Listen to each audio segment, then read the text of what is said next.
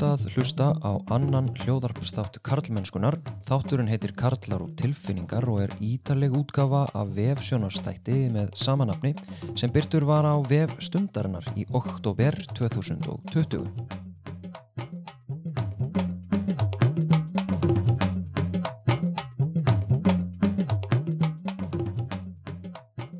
Ég heiti Þorsteinn Maff Einarsson og sé um þáttagerð og efnistök en ég held einni utan um samfélagsmiðlinn Karlmennskan á Instagram og Facebook.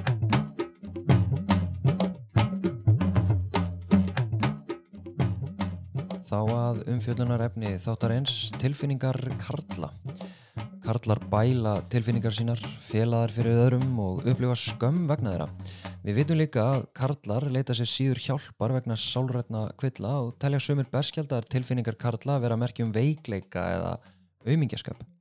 Skömmin er því skamt undan berskjölduðum tilfinningum Karla eins og frásagnir undir millimerkinu hashtag Karlmennskan vörpuðu ljósi á. Það sem menn listu því ítrekað hvernig þeir upplifðu skömm fyrir að upplifa kvíða, vera óöryggir eða þurfa að gráta eða voru við það að brotna niður, til dæmis vegna missis. Viðmælendur þessa þáttar kannast einmitt við missi. En Hafsteinn Vilhelmsson misti dóttur sína á fjóruða aldursári og Daniel Valtísson misti móður sína þegar hann var 16 ára gammal. Við munum heyra hvernig þeir tókust á við tilfinningar sínar í tengslu við þessa erfið reynslu sem þeir gengu gegnum. Ásandi að fá skýringar á tilfinningum almennt frá höldu Jónsdóttur Tölkis sálfræðingi og kafa aðeins ofan í menningar tilfinninguna skömm með Guðbrandi Átna Ísberg sálfræðingi. En við ætlum að byrja á því að fá að heyra í Hafstinni Vilhelmsinni lýsa því þegar dóttir hans, Elisa Margret, fættist. Uh, árið 2012 þá eignast ég og geða kærasta mín við eignumst Elísu Margreði og við sem sagt e, náttúrulega bara eins og allir fóraldrar, náttúrulega alveg í skíunum og allt rosa gaman og, og hérna en svo nokkur um árið setna þá tökum við eftir að hún er byrjuð að sagt e, krampa eða svona við tökum eftir svona enginlegum svona eða óeðlilegum svona kipum förum með hana á, sagt, upp á spítala hittum þar frábæran lækni. Og þá segir hann að þetta sé nú bara líklegast bara bakflæð en við koma sem daginn eftir að við komum með hann daginn eftir. Og hérna kíkjum að kíkja hans betur á þetta. Og já við gerum það. Og þá eiginlega bara svona tekur lífið okkar eiginlega bara svona pínu svona rosa krabba beigðu bara í eitthvað svona veg sem að við bara maður gæti ekki ímyndið sér sko. Og það hérna þá greinist hún með eh, lisensefali sem er sérst heila galli ef ég fer með rétt þannig að hún er rosa hérna uh, fölluð bæði andlega og líkamlega. Hún getur ekkert hreift sig þú veist hún getur þú veist hún getur svona tjáð sig þú veist við sem fóröldarinnar þek, þekktum hann rosalega vel náttúrulega þú veist og, útrúlega fallegt að maður veist, orð og þú veist svona þú veist það bara við þurftum þess ekki. Það var bara þú veist maður horfað á hana og þegar hún bara samkvæmt hún horfað á mann það var bara maður svona fann sör, sorg og gleði. En þarna náttúrulega hefst alveg svakalegt ferðalag fyrir hana. Og við náttúrulega erum þáttangundur í því sem fóraldrar og þá svona, já þá, þá eiginlega hefst þetta allt saman sko. Mér langar að segja ykkur að Hafstedt tók sér smá umhugsunarfræst um að samþykja beðni mína um þetta spjall ég skil það vel en það ekki auðvelt að opna á sínar erfiðust og dýfstu tilfinningar og deila með hverjum sem að kýsa að hlusta á þetta podcast. Þannig að Hafa var mikið í mun að þetta kem ekki út sem einhvert tilfinningaklám eða upphefð á honum sem einstaklingi heldur væri tilgangurinn skýr. Sá að aðri strákar og karlar geti lært af hans reynslu og geti betur tekist á við þær floknu og erfiðu tilfinningar sem að fylgja eðlilega og oftast áföllum og sorg eins og, eins og hann hefur gengið í gegnum og þetta voru svo skrítið sko því að þú veist, vera sko ég ætla að segja að ég hef verið farþið þú veist, í þessu ferðalagi. Og þetta er náttúrulega hennar baráta þú veist, það sem ég barðist við var kannski svefleysi en það sem hún barðist, þú veist, hún er helt, var helt jæna og þú veist, að horfa upp á batni sitt þarna það var gríðarlega svona það var rosalega erfitt sko. Það var rosalega erfitt. Og líka bara einhvern veginn að þetta er fyrsta batni mitt og maður veginn svona gati ekki gert þú veist, maður gati ekki maður gati ekkert gert, þú veist, maður bara og þú veist, ég fann alltaf svona í augunum á henni bara, þú veist, að mér fannst bara pabbi hérna, þú veist hérna getur þú hjálpað mér, pabbi, hérna, úst, hvað er að gerast? Og hún sá alltaf tækifæri, þú veist, hún brosti við hvert einasta tækifæri. Þú veist, hún, ég man bara eftir því að ég- einn læknir þegar var að reyna að finna æði henni. Hún hor, hann horfir svona á hana og hann bara, ég, ég geti þetta ekki, þú veist, og þá brost hún til hans. Hún brosti til hans og ég var bara eitthvað, Vá, þú veist þessi karakter, hún, hún talaði aldrei en allir sem hitt hana, þetta var svo magna og fylgjast með þessu. Og hún kendi mér, þú veist, ég segi alltaf skilur hún hefði verið minn stæðsti kennari. Og, og við bæði, ég og Geða, þú veist, en hún, hún kendi manni bara brosa við hvert einast tækifæri, því maður veit ekkert, þú veist, hún vissi ekkert hvernig sko ekki bara morgundagurinn er þið, heldur bara hvernig næstu mínútur er þið, sko. Elisa Margrét lest á fjórða aldursári eftir mikla baráttu og Haffi lýsir aðdraðandunum á ansi áhrifamikinn hátt. vinur minn sérst, eða Kári vinur minn sérst, er með guðfæði dóttir minna þegar að við sérst eh, stöndum hlið við hlið og erum, og hann er þú veist, ég ringi í hann, segi sérst við hann svona kvöldi, segi við hann hérna uh, Elisa er að hérna, fara og hérna, veist, hún, hérna, viltu koma og kveðja? Og hann eitthvað svona hann eitthvað, veist, og þetta var svo skrítið út af því ég bara, þú veist, ég mam, út af því þetta er svona gauð sem bara, þú veist, við erum búin að tala um fullt af dóti, sko, þetta er svona kannski einn af þeim sem ég tala hvað sem mest við um eitthvað, þú veist, svona kannski eh, tilfinningar eða, eða annað, sko. Og þetta var svo skrítið og svo kemur hann og ég man bara eftir því að bara við, við erum hérna hjá henni. Við erum báðir að halda inn í okkur. Tárum, við erum báðir að halda inn í okkur.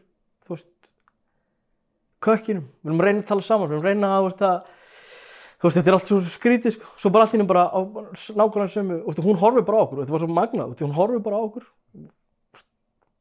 Og mér fannst hún að segja bara, hvað er að ykkur? Eða þú veist, skiljið, maður er svona svona, og svo henni bara og það er ótrúlega magnað.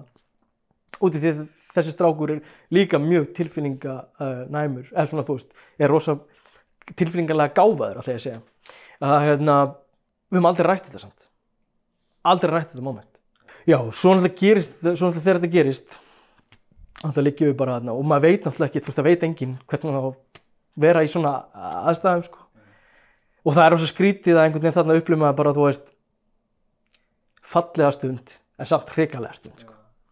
Veist, það er bara og þetta er það sem hann sagði við mig á Vigfús hann sagði bara að það er alltaf lega, þú veist ekki, ekki akkur þessu mómenti en það var alltaf lega að glæðjast og sirkja á sama tíma því að við áttum semst von á semst, yngri sýstirinnar á sama tíma rauninu. ég var semst ólið og ég hugsaði bara hvernig á ég geta elskað einhvern þegar ég er að missa, sama tíma og ég er að missa einhvern? Hvernig á ég geta, hvernig það er ekki, ég sagði bara það er ekki hægt. Og þá segir hann þessi mikilvægastu orð sem ég bara, og ég segi bara þú veist, þessi orð björgu í lífið mínu þú veist, bara hann sagði bara þetta að gleðjast og sirkja, þú veist, það er alltaf að gera það á sama tíma sko. og það var einhvern veginn svona, þú veist, ég finn mér þess að bara pínu lítið leifar af þessu tilfinningu því það var bara svona þú veist, og ég var bara eitthvað, þú veist, hvað er ég, þú veist, ég trúi því að það sé einhvers staðar, þú veist, að hún sé einhvers staðar annars staðar. Og ég eitthvað, þú veist, datt í bara, þú veist, ef einhver vondu hana, ef einhver leðileg hana, ef hann líður illa, hvað á ég að gera, þú veist, ég get ekki farið til hann, ég get ekki huggað hann, þú veist, ég get ekki, ekki kist henni góða nótt, þú veist, hvað á ég að gera, þú veist, og þarna var svolítið reyði mín að ég væri ekki að standa mig sem pappi, sko, og það var svona, þú veist, og það var ógeðslega erfitt, þú veist, það get ekki tekinn, get ekki haldið utan um hana, þú veist, og það var svona, þú veist, það var rosalega erfitt, sko. Alveg mögnuð og ótrúlega einlæg frásögn og það er sennilega ekki hægt að hlusta á þetta á þess að, já, tárast, gráta eða allan að fá kökk í hálsin. Já, nefn að vera verulega tilfinningarlega heftur. En Daniel Valtísson hefur líka reynslu að missi, en hann misti mömmu sína þegar hann var 16 ára og, og skrifaði um það á Twitter undir millumerkinu Hasta Kallmennskan. Og hann skrifaði Þegar ég var í jarðaför hjá mömmu minni þá barðist ég við að gráta ekki því allir vinni minni voru þar en þegar ég kom heim greti ég marga klukkutíma. Hún overdósaði. Ég ólst upp að henni fram að fyrsta bekk. Eh, Við vorum góð, mjög góð vinnir og, og hittust ekkert oft en vorum bestu vinnir þegar við hittumst. Já, hún var svona algjör prakkari alltaf. Ég var að kista hjá henni eitt sumarið mér varst mjög töff að hafa mér gati í augabrúnuna það var alveg bara stránglega banna hún tók það ekki til mála og fór með mig. Ég náði að vera með það í tvo daga. Daniel segir að það hafi tekið mikið á sig að missa mömmu sína og hann hafi dottið í neyslu, bælt niður tilfinningar í tæp tvö ár. Þannig til hann komst á réttan spöl aftur eftir andlót mömmu hans. Þetta var svona klassist sumar, bara vinna og síðan þegar þetta gerist þá datt maður mjög niður og byrjaði að reykja mikið og bara bældi þetta alveg niður og það gekk á í einhver eitt og allt ár. Bæði Daniel og Hafsteinn tala um vináttuna og tala um hvernig einhvern veginn vináttan verðist ekki ná á þann djúpa grunn að þeir hafi getað algjörlega tjáð uh, þær berskjöldu tilfinningar sem bárust innra með þeim á þessum stundum. Þannig ég spurði bara Daniel hreint út hvað hann hefði viljað fá frá vinnum sínum. Bara lift mér að vera að líða illa og kannski gráti með mér. Það hefði, þú veist, ég var í svona hörðum vinahóp það, það var ekkert í svona, það var ekki að ræða að fara að gráta fyrir fram á þá. Daniel upplýði það ekki vera möguleika að gráta fyrir framann vini sína í jarða fyrir mömmu sinnar. Mér finnst auðvelt að sjá hvernig sum vinasambönd geti þróast á yfirborðinu, sérilagi vinasambönd Karla, þar sem það er bara ekkit í bóði að berskjálta sig. En Hulda Jónsdóttir Tölkjes, sálfræðingur, segir að það geti krafist hugrekkis fyrir suma að rjúfa slíkti vinaminstur og fara tjá tilfinningar. Það krefst rosalega mikils hugrekkis fyrir suma að tala um tilfinningarna sínar og hvernig þeim líður og það gæti komið mörgum á óvart og kannski sérstaklega strákum og mönnum að þegar þeir byrja að tala við vini sína og félaga sína að kannski hafa félagar þeirra að upplifa bara eitthvað svipað og eru færir um að sína því skilning og kannski en, að dýfka enn frekar vináttu sambandið. Talandum vinasambönd Karla, ég fekk frásögn senda til mínum daginn í gegnum Instagramið Karlmennskan frá manni sem að lísti vinafæð og einmannalega. Í kjálfærið byrti ég óvísendarlega könnunum vináttu og spurði hvort menn ættu nánavini og hvort þeir myndu vilja eiga fleiri nánavini. Þar kom ljós að af tæmlega 200 svörum áttu 30% engan, 1 eða 2 nánavini og rúm 70% vildu eiga fleiri nánavini. Vissulega er annað fólk en karlar einmanna en ég held að ráðandi kallmennsku hugmyndirnar íti ekki undir náinn vinatengslu og það að karlar tjái tilfinningar sínar uh, þrátt fyrir eins og Hildur Tölki Sálfræðingu segir uh, að við höfum öll þetta sama tögakerfi og tilfinningar sama hvers kynns við erum. Við höfum öll auðvitað þetta tögakerfi og tilfinningar sama hvað kyni við erum eða hvað við erum gömul uh, og við finnum öll fyrir með svona tilfinningum bæði svona þælum tilfinningum og sem við köllum svona næst tilfinningar eða óþægilega tilfinningar. Ég vil forðast að tala um þetta sem góðar og slæmar tilfinningar af því þetta er bara litróf af alls konar tilfinningum sem er eðlegt fyrir okkur öll að finna fyrir. Þegar eitthvað kemur fyrir okkur í lífinu, eitthvað erfitt til dæmis, þá er mjög eðlilegt að við finnum fyrir óþægilegum tilfinningum eins og sorg eða, eða depurð eða eitthvað slíkt og þá getur verið rosalega mikilvægt að tala um það hvernig okkur líður, sækjast eftir stuðningi ef við þurfum á því að halda og í rauninni gefa þessum tilfinningum gaum, taka eftir þeim, leif okkur að upplifa þær, finna nafn á þær og í rauninni þjálfa okkur kannski aðeins í að finna fyrir þeim en ekki hlaupa í burti frá þeim og reyna að forðast þær, reyna að íta þeim frá vegna þess að það er ekkert mjög vannlegt. Stundum finnst fólki eins og það megi ekki upplifa tilfinningar eða sína að það finnur fyrir einhverjum tilfinningum og það sé eitthvað veikleika merki og það sé eitthvað sem að sýnir að eins og fólk hefur sagt að það sé einhverjur auðmingjar eða að það vil ekki vera byrði fyrir aðra eða eitthvað slikt. Stundum er fólk til dæmis að forðast tilfinningarna sínar, vil alls ekki upplifa eitthvað óþægilegt og tilfinningin kemur í svona bylgu og fólk reynar að íta henni einhvern veginn niður. Því finnst það svo óþægilegt að finna fyrir tilfinningunum og reyna að slá hana frá sér. Mm -hmm. Það sem getur gerst þá er að við getum upplifað bara ennþá meiri óþægindi ef eitthvað er til lengri tíma. Það er kannski dögið til skamstíma að gera eitthvað, að reyna að hafa nóg að gera, uh, vera alltaf með einhverjum, vera aldrei einn, bara reyna að breyða svona aðeins yfir þetta, sum reyna jafnvel að og, og grípa til þess ráðs að til dæmis drekka áfengi eða neyta eiturlifja til þess að deyfa sásökan sem við finna fyrir. Mm. En það er kannski eitthvað sem skapar þá bara nýtt vandamál mm. og það er miklu vænlegra til lengri tíma litið að horfast í augu við tilfinningarnar okkar, læra að þekkja þær og vinna með þær í staðan fyrir að reyna að hlaupa undan þeim að því að við komumst hvort sem er ekkert upp með það að hlaupa undan tilfinningunum okkar.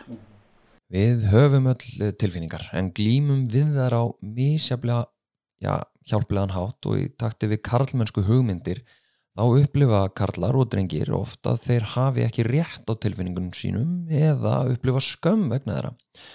Mér langar að þess að kíkja eins og ég gerði í fyrsta þætti í rannsórnuna mína því eitt luti af henni fólst ég að rína í frásagnir kalla af karlmennsku hugmyndum undir millumörkinu Hasta Kallmennskan og af þeim 365 uh, tístum sem ég greindi sem persónulegar frásagnir karla þar sem að karlar voru í rauninni að deila sínum eigin sin eigin reynslu af kallmennsku hugmyndum að þá var tæmlega helmingur þeirra sem fjallaði um að fela eða bæla tilfinningar sínar.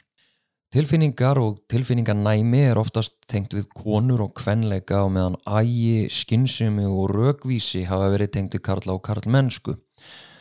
Það sem kvenlegir einleikar eru ekki taldir eftirsoknaverðir meðal karla leitast er síður við að gefa slíkum eiginleikum gögum og forðast þá, en það byggir karlmennska á andstöðu við kvenleika.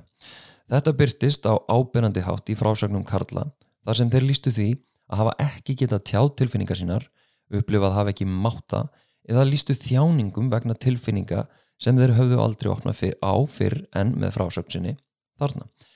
Fyrirleikur, bæling, skömm og ótti voru afleiðingarnar sem frásegendur lístu.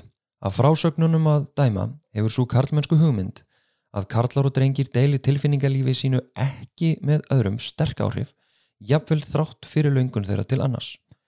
Tilvísun, ég byrgi ógeðslega mikið inn í mér, aðal út af hasta karlmennskan og ég er því miður ekki komin nálagt þeim stað að ég fari að opna fyrir eitthvað og það er af því að maður er alveg upp í hasta karlmennskan menningu. Tilvísun líkur. Sjálfsvíg ungra kallmanna eru markvallt algengar en sjálfsvíg hvenna samkvæmt uh, vef síðu embati landlagnis embatisins og eru karlartaldir ólíklir til að leta sér hjálpar við andliðum erfileikum en það er það ríkrafa að karlmenn deili ekki tilfinningum sínum með öðrum eins og frásagninnar baru með sér. Féluleikurinn og baráttan við tilfinningar sem karlar upplöðu kann að eiga þátt í hári tíðni sjálfsvíga karla eins og sumar frásagnir bentu til. Og hér er tilvísun Fór langleðana með að taka mitt eigi lífum tvítugt, keifti reypið og reyndi að gera hnút, kunni það ekki. Botninum náð og leitaði hjálpar hjá sálfræðingi, hjálpaði mér mikið og fekk aðra sína á lífið. Hef ekki sagt fjölskyldu vinum frá þessu því hasta kallmennskan, fer í það núna. Tilvísin líkur. Tilfinningar Karla virtust því vera nokkus konar engamál þeirra sem þeir þurft að tjá í innrúmi því að missa völdi fyrir tilfinningum sínum eða að tjá þær fylgdi skömm en skömmin var einnig skúrð á holm eða hafnaði frásögnum kalla. Þar sem að skömmin var svona ríkjandi og ábyrrandi í frásögnum kalla af, af tilfinningum sínum. Þá leitaði ég til Guðbrandar Átna Ísberg eh, en hann er svo sannlega heimavelli þegar kemur á skömminni en það hefur hann skrifað bókum fyrirbærið. Við ætlum að gefa Guðbrandi orðið. Þetta, sko, þetta er svona tilfinning sem hefur svo gífanlega mikil áhrif af því að hún mingar sjálfsálitið okkar eða sjálfsmatið okkar og, hérna, og hefur þar alveg eitthvað svo mikil áhrif á sjálfsmyndin okkar og sjálfsöryggið og, hérna, og þetta er eitthvað sem, sem menna, er bara yfir og allt umkring. Þetta er svona tilfinning sem, sem hérna, þú veist, hún er ekki til í greiningakerfunum sem eitthvað bara svona þetta er skammar kvilli eitthvað neginn fyrir utan e, já, eina greiningu en, en, en hún er alltaf einhver staðar allstaðar. Hún kemur inn í gæðsjúkdóma af því bara við skömmust okkar fyrir og hérna og, og það, þannig hún er einhvern veginn bara yfir og allt umkring þannig að mér langaði bara hreinlega að, að fá betri vittneskjöfana og, og bara settist niður og las mikið og vann úr því og skrifaði bókinu síðan. En þetta er náttúrulega tilfinning sem er óþægileg. Það er óþægilegt að upplifa hana og vera í henni og allt sem okkur finnst óþægilegt, þetta er bara daldur svona, þú veist, við viljum daldur íta þessu í burtu og vera ekkert að velta því allt og mikið fyrir okkur.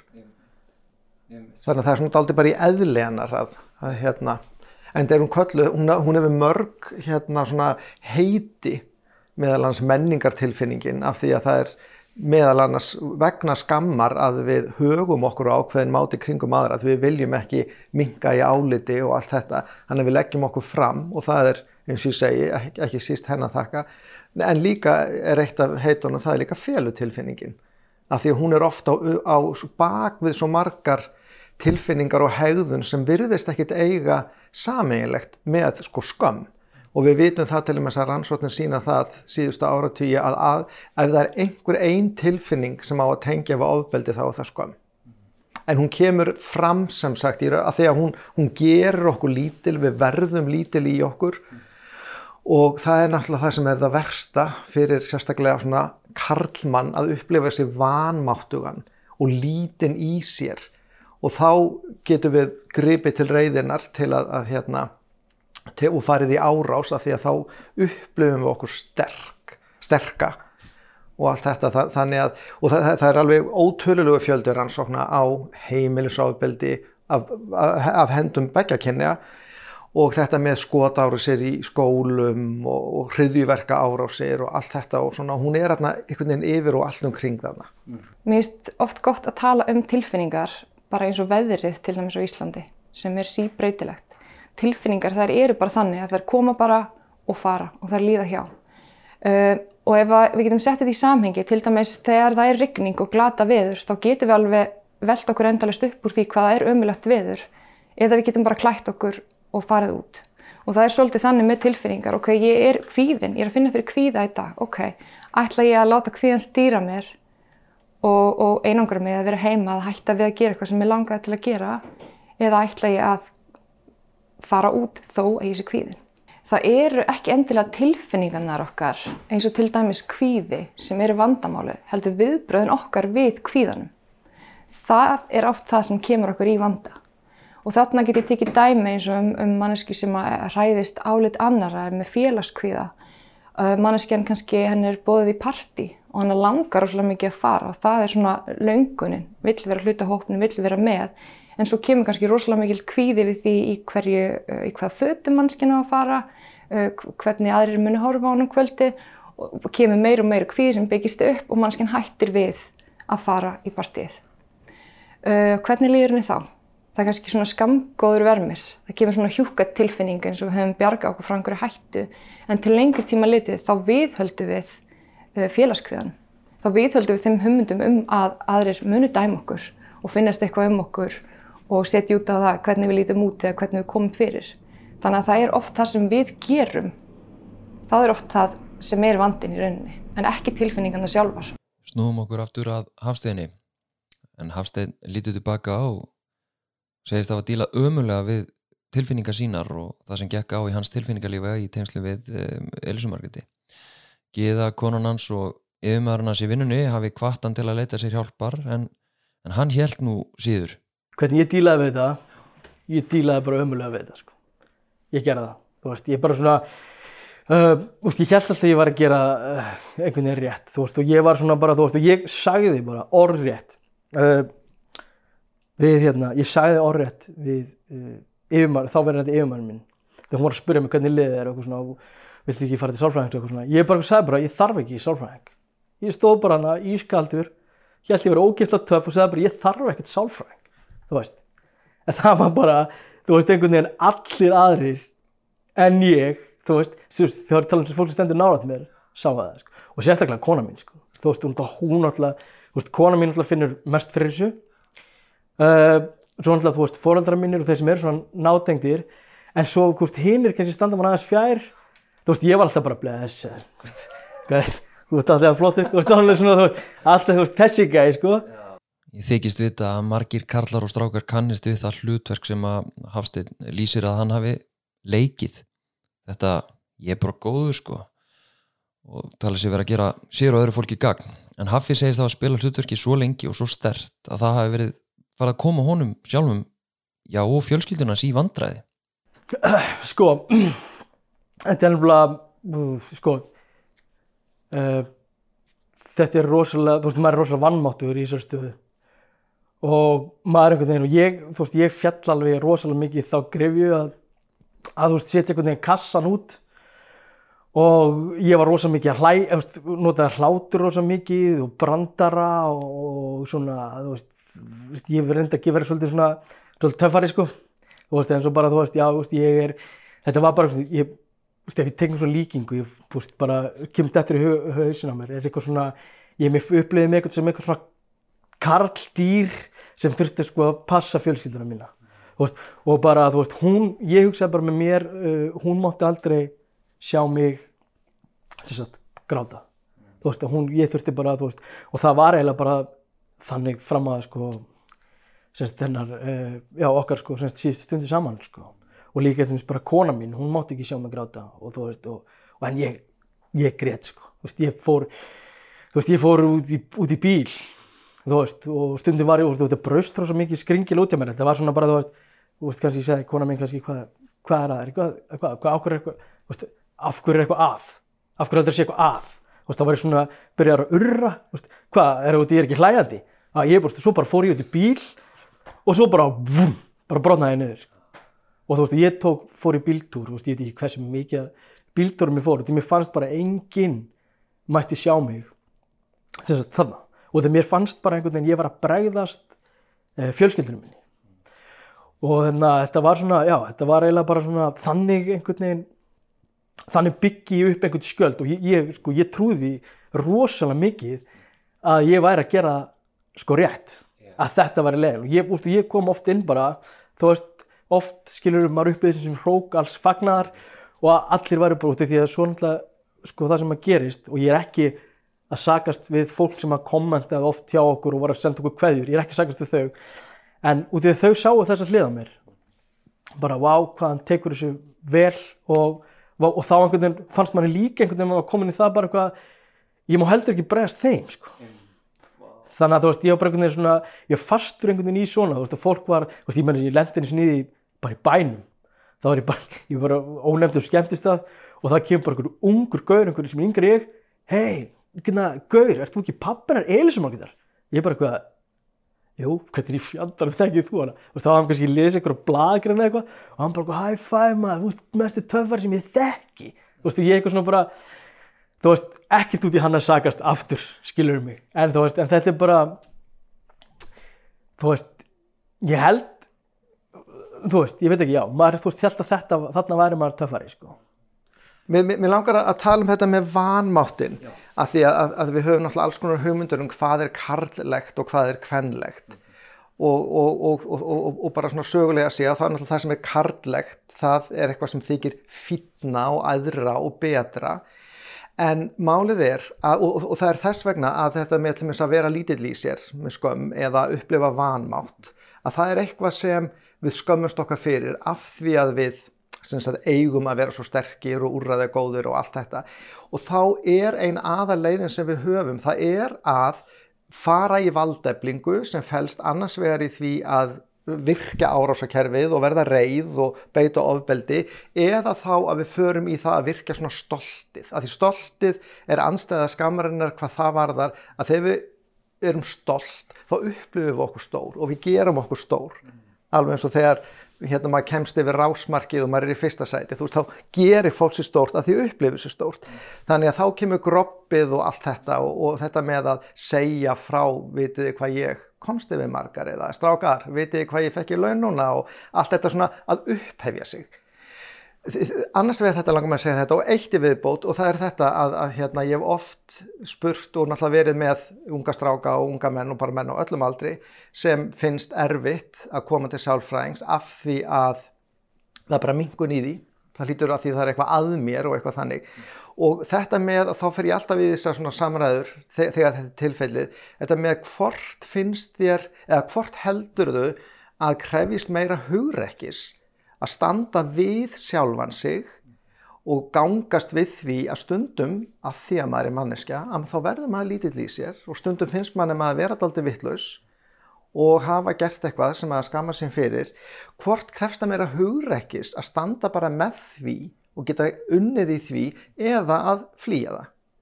Og þá náttúrulega segja allir já, að sjálfsögðu krefst að meira hugrekkis að gera það, já ok. Og hvað vilt þú þá þjálfa í þér? Hvað viltu rækta í þér? Viltu rækta með þér hugrekki eða hugleysi? Og það náttúrulega er sjálfgefið, ok, hugrekki er náttúrulega eina af þessum eiginleikum sem við gætum teljum til karlmennsku, þannig að ok, there you have it. Veist, það er bara sagt til mig, bara herðu, já farðu bara heim á vinnunni, þú veist, verðu bara með dóttiðinni á spítalunum. Veist, og, og Gíða kærasta mín, þú veist, hún er bara svo ótrúlega, hún er svo mögnum manneskja, hún var, hún var, veist, ekki þá hún vissi hvað var að fara að gerast, en hún vissi að það var einhvern veginn ekkert það, þetta væri ekki alveg allt, það var ekki alveg allt eins og það ætti að vera en ég einhvern veginn bara ringsólaði um bara og segði bara já, já, veist, hún er veik veist, við, við erum alltaf, veist, við förum aftur heim en svo gerist það bara við erum tekjum bara, bara á þetta spjall. Og þá bara bara brotnaði eitthvað inn í mér sko. þá bara, ég hef aldrei lendi í þeirri stöðu að mér hefur langað sko að uh, beita ofbeldi uh, gráta láta halda utanum mig veist, hugga mig á sama tíma sko. og það þurfti bara þú veist, það var, þú veist, geða var tekin út úr herbygginu læknirinn var tekin út úr herbygginu þú veist, ég fór að kenna mérum, ég fór, fór að kenna öðrumum, ég fór að kenna, þú veist, ég bara einhvern veginn bara svona gjörsanlega misti allt vit bara þannig, þú veist, bara og all, allar þú veist, öll einhvern veginn svona uh, all, öll tök á tilfinningum sko þetta var eiginlega bara þannig að sagt, uh, Gíða, kærasta mín, hún segir bara við mig ef þú vilt ekki gera þetta fyrir þig ertu til í að, ertu til í að fara til sálfræðing, bara hitt hana fyrir mig. Og ég eitthvað svona ég man bara þegar ég var keirandi undir kóbósbrunni ég segi þetta með aðra hönd og stýri bara eitthvað ok, já, já, ok, ég gera það ég, ég þarf ekki sálfræðing. Ég þarf, ég þarf, ég, þú veist það er ekkert að mér, það er ekkert að mér. Svo fer ég að þinn sest hjá henni, hún er sko ynga og hún er önnur manneskja af mörgum sem var að bjarga mér í þessu ferli. Uh, þá fattaði ég alvörni hvað var mikið að mér sko. þá fattaði, þá sé ég satanna bara og ég hugsaði bara ok wow þú veist það er bara og, það, og, og sko því miður þótt þú fara námslefi og hérna en þá fattaði ég bara að þetta var ekki bara, þú veist, þetta var ekki þetta moment, þetta var bara, þú veist, þetta var langt, langt aftur sem að ég þurfti bara, hún segði bara við mig, hún segði bara persónulega myndi ég, við skulum byrja miklu fyrr, sko, bara árum byrja skóla, þú veist, og síðan fyrir við, síðan komum við þessum atbyrði, sko. Og þá byrjaði ég, og líka út því að það var bara einhvern veginn svona, veist, ég var bara að byrja að mynda vegg. Og, og þessi veggur var sko bara mjög brútal, sko, þú veist, og þetta var bara svona, þú veist, ég hlifti engum, sko, mér fannst bara, ég hlifti engum nálægt mér, sko, þú veist, ég var svona, þú veist, þannig að það var svona, já, það er svona, held ég svona, það versta sem ég ger, gerði, það var að búa, þú veist, að byrja mig upp og, og vera með einhver svona, ég töffar að stela, þú veist, að halda að ég sé einhver, þú veist, að hleypa ekki út tilfinningum og fela tilfinningar og tala ekki um þar og ég er ennþann það í dag, þú veist, ég ætla ekki að koma hérna og segja að fólk alltaf, ég sé, ég sé bara eitthvað rosa mikið að tala um tilfinningar núna og hérna, og sé rosalega opinn, ég er ekki þar sko, ég þarf alveg, það þarf alveg að minna um á það. Og þú sem veit að best er náttúrulega kona mín. Og þú segir bara hvað langt síðan, og ég fyrir ofta að heyra hvað langt síðan heitir sálfræðing, þá er ég bara upp sko. Strákar og kallmenn leita sér síður aðstöðar uh, en konur og stelpur. Og það getur verið rosalega mikilvægt fyrir til dæmis strákana að vera fyrirmyndir fyrir aðra félaga sína og sína þessa hefðun, að tala um tilfinningarna sína, segja þegar þeir eru litlir í sér eða eitthvað koma upp á eða það er eitthvað erfitt í gangi og þannig getur við einhvern veginn eldt þetta að allir og við öll megum tala um tilfinningarnar okkar og upplifa það sem við erum í raun og veru að upplifa. Vilda, tilur það vera mikilvægt að strákar opni á tilfinningar sínar og stiði hvern annan en það höfum við flestir díla við ímislegt og erum því færður um að sína því skilning þegar aðrir gera slikt til sama Daniel sem að misti mömmu sína og týstu um að hafa ekki geta grátið fyrir framann vini sína segir að það síðasta sem að maður vilji í svona aðstæðum sé að halda að maður sé einn Já, algjörlega og þetta er síðast sem maður vill er bara halda að maður sé að gangi í gegnum þetta sko. Það munu bara allir skilja ef þú grætur og líður illa. Það er enginn að fara að tæma þig fyrir það þó að maður haldi annað sko. Guðbrandur Átni Sálfræðingur hefur líst skömminni sem menningartilfinningu. Að skömmin tengist einhvern veginn því að við viljum ekki falla niður virðingastegan og þess vegna, jafnvel höfum við okkur á ákveðin hátt vegna þessarar skammar og til þess að koma í veg fyrir það kannski að við ég fallur niður virðingastegan eins og já, ég ímynda mér að geti að mörguleiti útskýrta hvers vegna svo margir kallar eru að bæla niður tilfinningar og, og, og fela þær og sín ekki öðrum til þess að halda virðingu sinni út frá karlmennsku hugmyndunum. Þannig ég að samspil karlmennsku hugmynda og skammar komi saman og myndi alveg einstaka fléttu. En, en skömmin er ekki mjög einföld tilfinning og því baði ég Guðbrandum að útskýra nánar uh, þetta fyrirbæri. Þeim má skipta í annars vegar svona rauðaskömm sem er, sem er embarrassment á ennsku e, og hvítaskömm sem er shame á ennsku og af því að þeir hafa shame og við höfum skömm þá setjum við sama sem merkja á milli en það er í raun og veru ekki. Af því að skömmin í íslensku er samheiti yfir til minnst það að fara hjá sér þykja eitthvað vandræðalegt þykja eitthvað neyðarlegt. Þú veist það er svona þessi rauðaskömm og þegar við upplifum rauðaskömm þá upplifum við að, að hérna að við, ef, við, ef við hugsaum hérna nú erum við að tala saman. mm. Og, við, og ef við upplifum að bara ég verði þig, þú verði mig og við erum að tala saman sem jafningjar þá upplifum við, við erum hér. Svo myndi þú eitthvað segja við mig eitthvað svona sem ég upplifði sem mingun þá myndi ég upplifi að færi hérna niður þú veist. Og ef ég myndi svara eitthvað á móti þú veist og gera lítið úr því að þá myndi þú líka upplifa.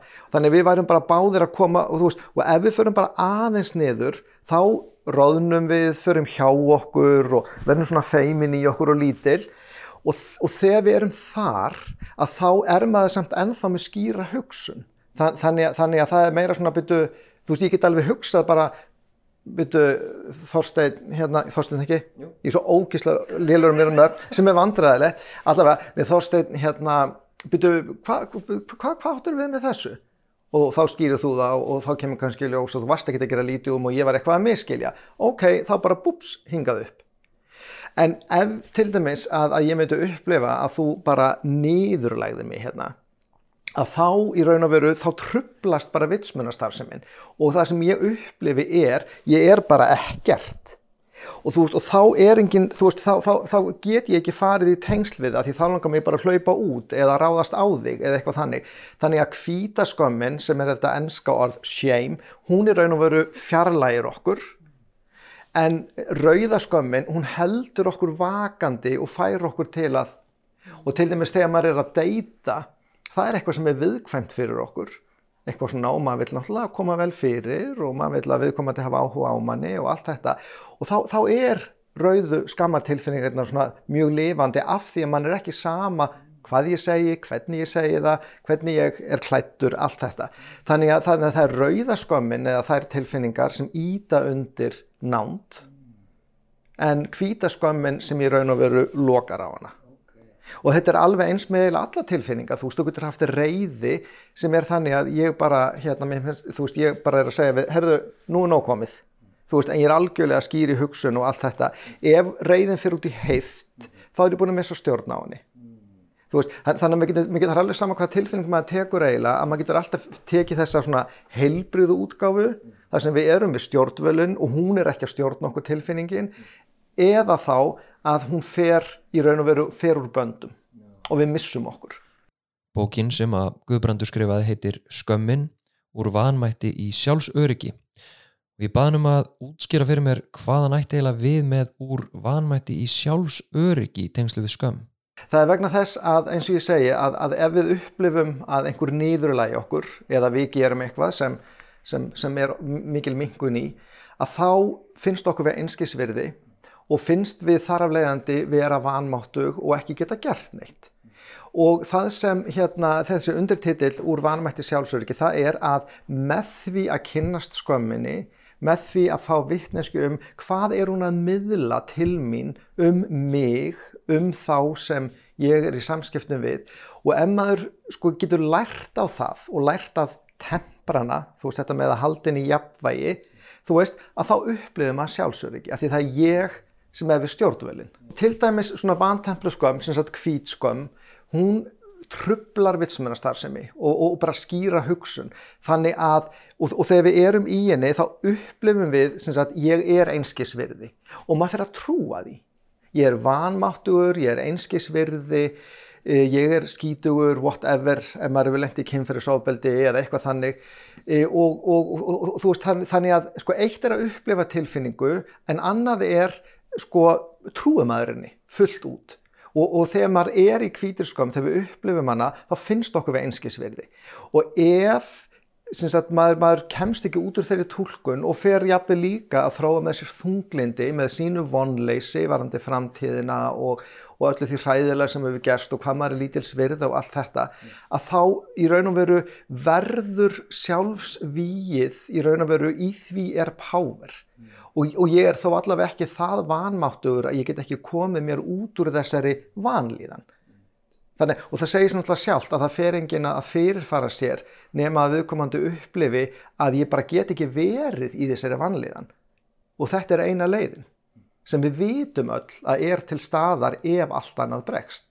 Það, það, þannig, þannig að, og við vitum það líka bæðið út frá brefum sem þeir sem hafa fyrirfara sér skilja eftir nú eða þá sem hafa lifað af og, og er að segja frá að þá er skömmin, þá, vitum við það líka að hún er faktist aðal tilfinningin sem býr þarna að baki. Það er ekki þunglindi sem slíkt heldur skömmin, þetta með að finnast ég er einskisverði. En maður aðeins hugsaður um að allar tilfinningar, eh, hvort heldur er skömmin eða aðrar, að þær náttúrulega hafa fyllt okkar forfæðrum um ómunna tíð og þær eru til staðar af því að þær hafa hjálpað okkur bara í lífsbaráttunni. Þær hafa hjálpað tegundinni til að komast áfram. Þannig að til og meins með skömmin að þetta með að hugsa, ok, það er óþægilegt að upplifa skömm, en í grundvallar atriðum það sem hún er að reyna að fá mann til að hugsa um og til að meta, það er ef einhver kemur illa fram við mig, leggur mig í einelti, beitir mig ofbeldi, nöðgar mér, whatever, að það sem hún gerir, hún setur spurningamerki við gildi mitt. Af hverju lendi ég í þessu? Mm. Þú veist, hvað í raun og veru, þú veist, að, þú veist hvað, hvað er það? Og það er eina sem hún spyr í raun og veru. Eða gerði ég eitthvað? Hún er ekki að segja, þú ert ógeðslegur, þú ert viðbjóslegur, þú áttur þetta skilið. Nei, hún er bara að setja spurningamerki Akkur lendi ég í þessu? Af hverju upplifi ég skam? Ég upplifi skam að því ég var settur niður. Það var gert lítið úr mér eða ég gerði eitthvað sem mér finnst miður. Þannig í raun og veru ef maður upplifir skam, þetta er einn af siðferðistilfinningunum líka, þá segir það manni að mér er ekki sama hvernig aðri koma fram við mig og mér er ekki sama hvernig ég kem fram við aðra. Og þess vegna er andstæða skammar, hún er miklu, miklu, miklu verri heldur nokkuð tíman að upplifa skömm af því það er skammar leysið. Og þegar maður upplifir ekki skömm eins og Trump, sem er bara besta dæmið í heiminum í dagleiklega, eða þekktasta, þá get ég sagt hvað sem er, ég get gert hvað sem er, að því mér er anskotnans sama. Ég er bestur, ég er æði og þú ert bara lítill kall. Þú veist, það, það, þannig, að, þannig að eins og ég segi, viltu vera, ef þú ert með skömm þá segir hún um þig, ég er siðferðileg manneskja. Mm. Ef þú ert skammarlaus í engum tengslum við skömmina, þú veist, er, þú það er þá sem opnar fyrir í raun og veru glæpi og ofbeldi. Mm. Og við getum til dæmis ekki þróa með okkur sektarkend eða samviskubit nema að skömmun sé á sæmilegum stað. Að því að samviskubiti segja náttúrulega ég hef gert ég hef gert eitthvað sem hefur framkallað vanlíðan hjá þér og hún hvetur mig til að reyna að bæta fyrir það.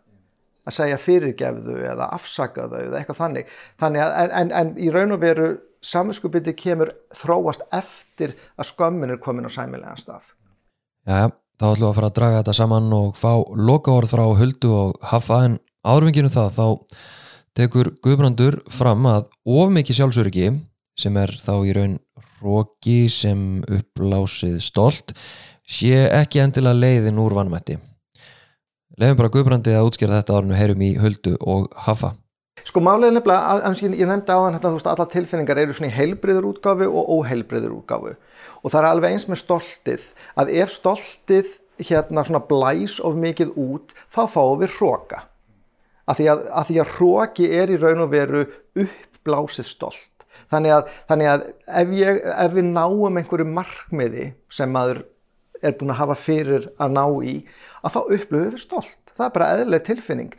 Yes, mér tókst það. Þú veist, en, en eðlilegt stolt, stolt segir við mann bara ég, af því að ég var duglegur og setti mér markmið og vann vel, þá náði ég þessum árangri. Ógeðslega gott og flott. Og, og ég er bara ógeðslega stoltur af mér, ég ánaði með mig fyrir það, en ég er ekkit meir en aðrir. Ég er ekkit merkilegur en aðrir fyrir það. Ég bara náði þessu. Æðislegt fyrir mig. En í hrókanum þá er auðvitað náði ég þessu en ekki hvað. Ég er svo klár þú veist, þann, þannig að og alveg eins og stoltið ítir líka undir tengsl að því að mann langar til að segja þeim sem mann er þykja væntum veistu hvað gerðist, veistu hvað ég náði allt þetta, að þá er hrókin í raun og veru hann skapa fjarlægð, að því ég þarf alltaf að vera ekki hér, ég þarf að vera hér ég þarf að geta litið niður á þig Þú veist, það, þannig alveg eins og hvítaskömmin skapar fjarlægð að þá skapar hrókin fjarlægð. Þannig að þetta eru tvær tilfinningar sem í raun og veru einangra okkur frá öðrum. Það gæti til dæmis uh, verið sniðugt að skoða svolítið, fylgjast bara svolítið með sér og þá líka með líkamann sínum. Hverju finn ég fyrir þegar ég er að, að gera þetta, þegar ég er í kringum börnin mín eða maka minn eða gera eitthvað sem er skemmtilegt. Hvar finn ég fyrir tilfinningunum mín? Er það í maganum, er það í bringunum, er það í hálsinum, er það, hva, hverju tek ég eftir? Og kannski æfa sig í að prófa að setja nöfn á tilfinningarnar. Bíddu, Er þetta spenningur, er þetta gleði, er þetta sorg? Og æfa sig í að prófa sér svolítið áfram og ekki reyna að loka á það sem kemur. Leifa þið bara að flæða og þar þurfum við oft bara svolítið hugrekki. Sérstaklega ef við erum vön að vilja loka á og vilja helst ekki finna.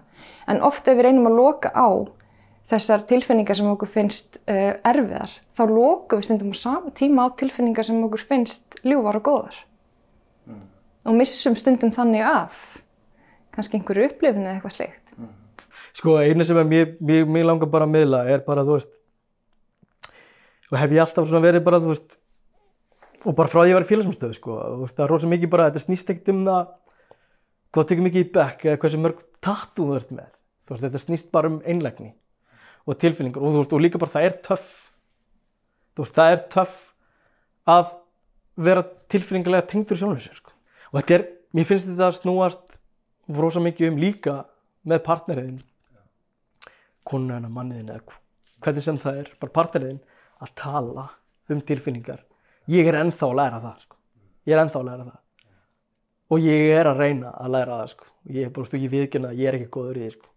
ég er góður í að tala um það ég geti rætt við hvern sem er um sambandslit þeirra, þú veist, og bara hlusta en að setjast niður og ræða um mín tilfinningarlega vandamál það er sjúklega erfitt og þá bara, þú veist, þá er ég bara komið með sko steipu og múrkupp og byrjaði bara að búa byggja upp veggin sko. þú veist, það er bara, veist, ég, ég sé hann bara fara upp sko. þá bara lokaði, múraði fyrir sko. Karlar geta skapað sér enn frekar í vanda með því að múra fyrir tilfinningar sínar og fela þær eða bæla niður. Vanda sem að munað öllum líkindum bitna á fólkinu sem að stendur þeim næst. Það er því mikið í húfi ekki bara fyrir karla og drengi, heldur samfélagið í heildsinni að karlar síni hugrekki á tilfinningasviðinu.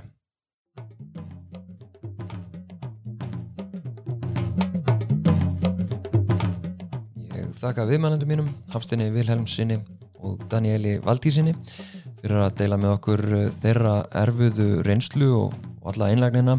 Þá þakka ég Höldu Jónsdóttir Tölkis, sálfræðingi og Guðbrandi Átna Ísberg, eh, sálfræðingi, innila fyrir þeirra framlag og að deila með okkur þeirra sérþekkingu og, og reynslu. Takk Veganbúðin og Jafnbrettisjóður Íslands sem að styrtu þessa þáttagerð. Eh, Takk þið fyrir að hlusta. En þið getið alltaf hatt samband við mig gegnum eh, samfélagsmiðla Karlmennskunara á Instagram eða Facebook og laumaða mér efni sem þið viljið að tekið sér fyrir hér eða bara að þið viljið tjá ykkur um eitthvað sem tengist eh, þessu. Þá til næst. Bye.